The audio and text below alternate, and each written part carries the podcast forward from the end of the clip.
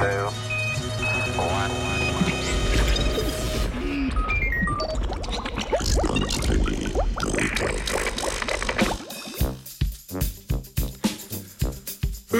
Zbujati bi se morali kasneje.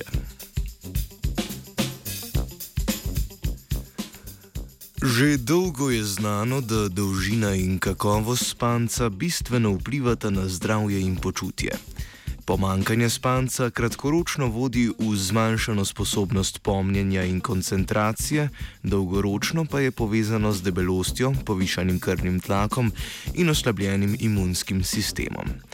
V še eni študiji povezani s spanjem so ameriški raziskovalci in raziskovalke ugotavljali vpliv ure začetka pouka na počutje srednješolcev.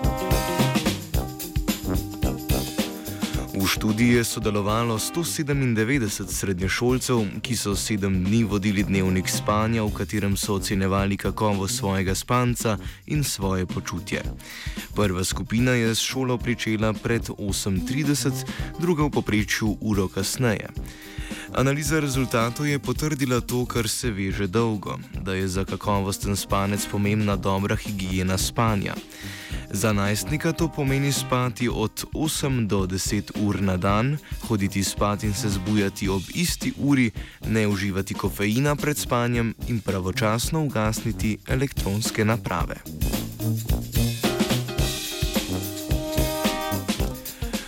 Raziskovalke in raziskovalci so ugotovili tudi, da je vpliv ustrezne higiene spanja na dobro počutje močnejši pri najstnikih, ki so šolo začenjali kasneje. Ti so zabeležili boljše počutje in manj simptomov značilnih za depresijo in anksioznost. Kasnejši začetek delovnega dne bi torej lahko bil pomemben dejavnik v boju z epidemijo pomankanja spanca, kot so ta problem poimenovali zdravstveni delavci. V zadnjem desetletju se je nabralo veliko empiričnih dokazov o negativnih vplivih pomankanja spanca na telesno in duševno zdravje. Pomembno vlogo pri tem igra tudi naš način življenja, ko se moramo zbujati zgodaj zjutraj, mhm, zato da lahko poslušamo jutranje znanstvene britofe oziroma jih beremo. Prijeten spanec oziroma očitno tudi dobro jutro vam želi črt.